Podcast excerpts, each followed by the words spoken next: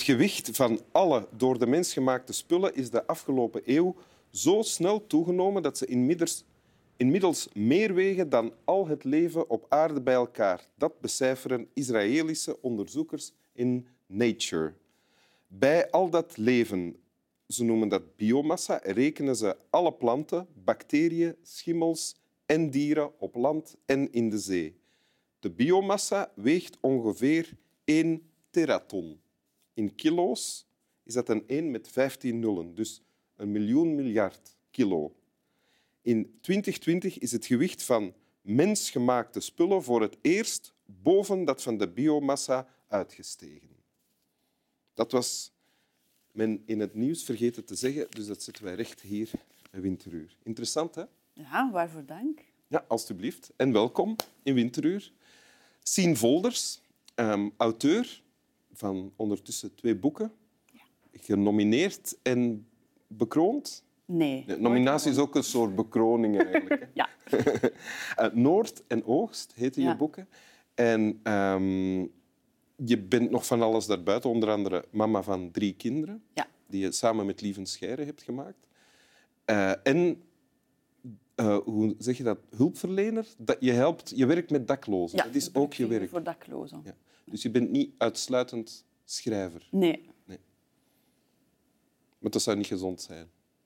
Dat zou heel raar zijn om alleen maar dat te doen. Denk Ja. ik. Dan moet je daar heel goed in zijn, want dat is al wat je doet. Eh, te veel druk. En bovendien zijn er veel daklozen die geholpen moeten worden. En Ook al.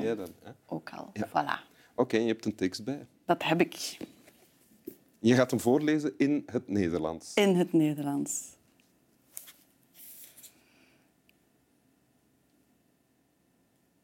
Plotseling wist Ronja wat haar te doen stond.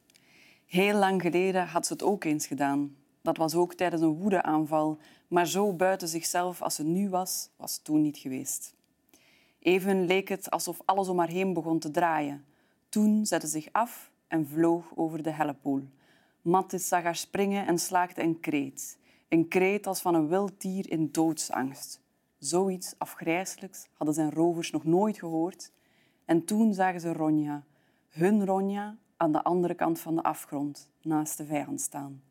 Dit was het ergste dat kon gebeuren. Ze begrepen er niets van. En dit lees je voor uit, mag ik eens kijken? Ronja de Rovers, dochter van Astrid Lindgren. Inderdaad. Ja, een jeugdboek. Een kinderboek, ja. Ja. Oké. Om dit te begrijpen moeten we... hebben we context Je nodig. hebt een beetje context Ja? nodig. Ja, het is, het is de meest indrukwekkende en pijnlijke scène uit een prachtig kinderboek. En wat dat er gebeurt is, Ronja, het hoofdpersonage, dochter van Mattis, de rovershoofdman, maakt een verschrikkelijke beslissing. Moet een beslissing, een verschrikkelijke beslissing maken. Want zij staan met zijn rovers, dus hè, hun kant, tegenover de vijand van Mattis. Dat is Borka. Die staan aan de andere kant van een kloof. Dus twee groepen aan elk van de kant van een kloof.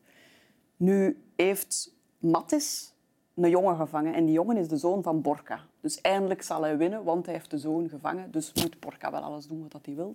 Dat is het ultieme, het ultieme verslaan van zijn vijand. Maar wat hij niet weet, is dat Ronja en Birk, want zo heet de zoon, eigenlijk hartsvrienden zijn.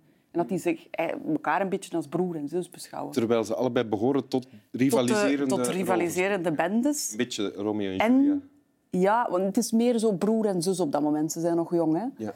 Ehm, en wat dat Ronja ziet, is hoe, hoe, hoe verschrikkelijk dat is wat haar vader doet. Want zij weet van als Borka niet doet wat dat hij wil, dan, dan ben ik mijn broer kwijt, want die zal sterven. En als hij het wel doet, ben ik mijn vader kwijt, want dat is verschrikkelijk wat dat hij Als hij het wel doet... Als hij, als hij dat kind bijhoudt en Ah, die, ja, die ruil wint, Ja. dan is zij haar vader kwijt, omdat ze weet van dat kan, ik kan die nooit meer zien als mijn vader die ik lief heb, want die doet zoiets onwaarschijnlijk smerig. Namelijk die andere een jongen kind bedreigen. gebruiken, een kind gebruiken Ah, om, om te winnen. Want dat dan een rover is, dat weet ze al. Hè. Die steelt van mensen, maar dat is iets anders. Dat zijn geen mensen. Mensen kunnen niet stelen. En wat dat zij dan doet, is naar de andere kant van de kloof springen. Ja. Bij de vijand.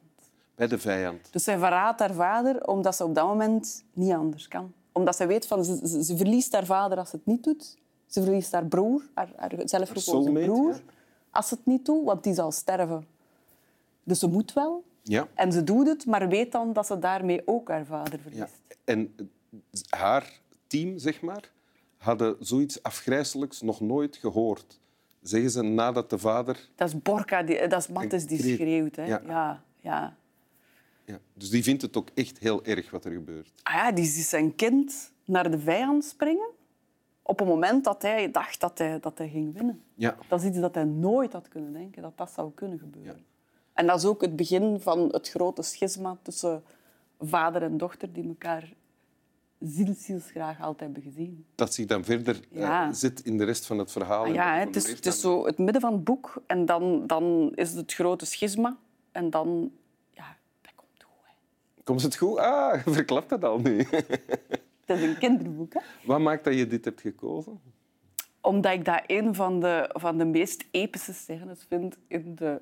Ik ga het heel groot poneren. In de westerse literatuurgeschiedenis. Het? Ja, ja. Ik vind, ik vind dat echt episch. Wat, daar wat maakt het episch? Dat is, dat is een scène die zo goed geschreven is, die zo goed geplaatst is in dat verhaal en waar dat zoveel betekenis in ligt. In de, de loop van het hele boek, dat is, dat is een heel gelaagd boek, waarin dat, dat echt perfect wordt gedaan. En ik vind, als je, als je dat moet vergelijken, dan kun je dat vergelijken met, met zo The Grapes of Wrath van Steinbeck. Ja? De eindscène, waar we niet over mogen spreken, want dat is geheim. Je moet dat altijd een eerste keer kunnen lezen. Herinner jij je nog wanneer je dit voor het eerst hebt gelezen? Ja, als kind niet meer, omdat ik het heel veel heb gelezen. Ik heb het als kind herhaaldelijk gelezen. Ah ja. Ja. En dan, en dan was ook altijd dit je favoriete scène? Ja. ja, maar ik heb dat gelezen als kind, omdat ik dat heel graag las. Vroeger was, ik dacht dat mijn favoriet boek vroeger van Astrid Lindgren dat, dat, dat de Gebroeders Leeuwenaard was. Dat was een vergissing. Als kind was dat juist, maar ik heb het herlezen als ik 21 was, want dan woonde ik in Zweden. En ik heb mijn Zweeds een beetje geleerd door, door kinderboeken te herlezen, wat een hele goede methode is. Hè. En dan had ik eerst de Gebroeders Leeuwenaard gelezen. Dat was nog altijd goed. Bruiden naar Leonhard En toen pakte ik Ronja.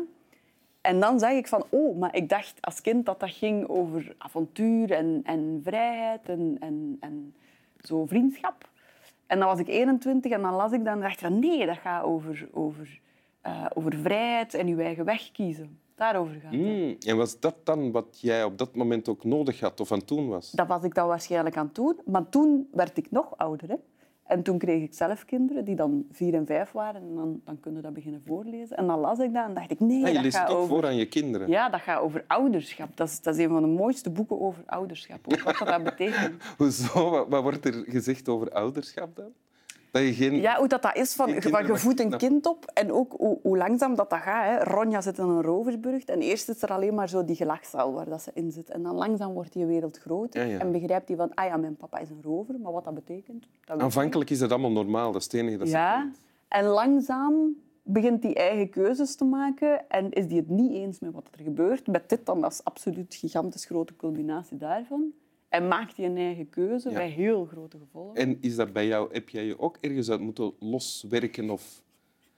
Maar ja, nee, hè, ja, dat werkt zo. Literatuur en, en kunst in het algemeen is zo een uitvergroting van, van alle emoties en gebeurtenissen dat je zelf meemaakt, zodat je zo... Die ogenschijnlijk veel, veel banaler zijn en veel Ja, minder episch. Maar je kunt dan zo eens heel goed diep oefenen eh, in die emotie, zo kaart meegaan, en dan kun je dat beter in het, Ja. in het denk ik. In, in- in het echte wat leven. Eh, Ronja hier doet, is heel moedig. Hè? Ja. En, maar heb jij dat ooit moeten doen? Heel veel moed moeten opbrengen voor iets? Oh, als ik nu nee zeg, is dat zo zielig, Wim. maar nee, zoveel moed heb ik nog nooit moeten opbrengen. Nee, Nee, dat is misschien net niet zielig. Hè? Gelukkig maar. nee want dat is geluk hebben. Hè. Je zei daarnet dat je het ook in... Je hebt Zweeds leren praten door... eh, De Ronja, ja. ja. Dus je, kan, je hebt het ook in het Zweeds bij, denk ik? Ja, ja. Wil je het in het Zweeds voorlezen nu voor ons? dat zal ik doen. En de Zweeds onkundigen eh, bij de mensen thuis, die kunnen ondertussen de projectie volgen. Dat ga ik ook doen. En ondertussen proberen eh, Volgen, hè? te zien Ja. of je echt kan volgen. Ja. Och med ens visste hon det. Visste vad hon skulle göra. En gång för länge sedan hade hon ju gjort det och raseri då också, men inte så utom sig som hon var nu. Nästan som i uselt tog hon sats och flög över helveteskapet. Mattis såg henne mitt i språnget och ett skri bröt fram ur honom. Det var ett skri sådant som vilda djur ger ifrån sig i dödsångest och blodet isade hos hans rövare. För värre hade de aldrig hört. Och så såg de Ronja, sin Ronja, på andra sidan avgrunden hos fienden. Något färre kunde inte ha hänt och inget så obegripligt. Taak. Zien. Hoe zeg je slaap wel in het Zweeds? Godnatt. Hoe? Godnatt. Godnatt. Godnatt. Sov gott. Zo gott. Swömi, bömi.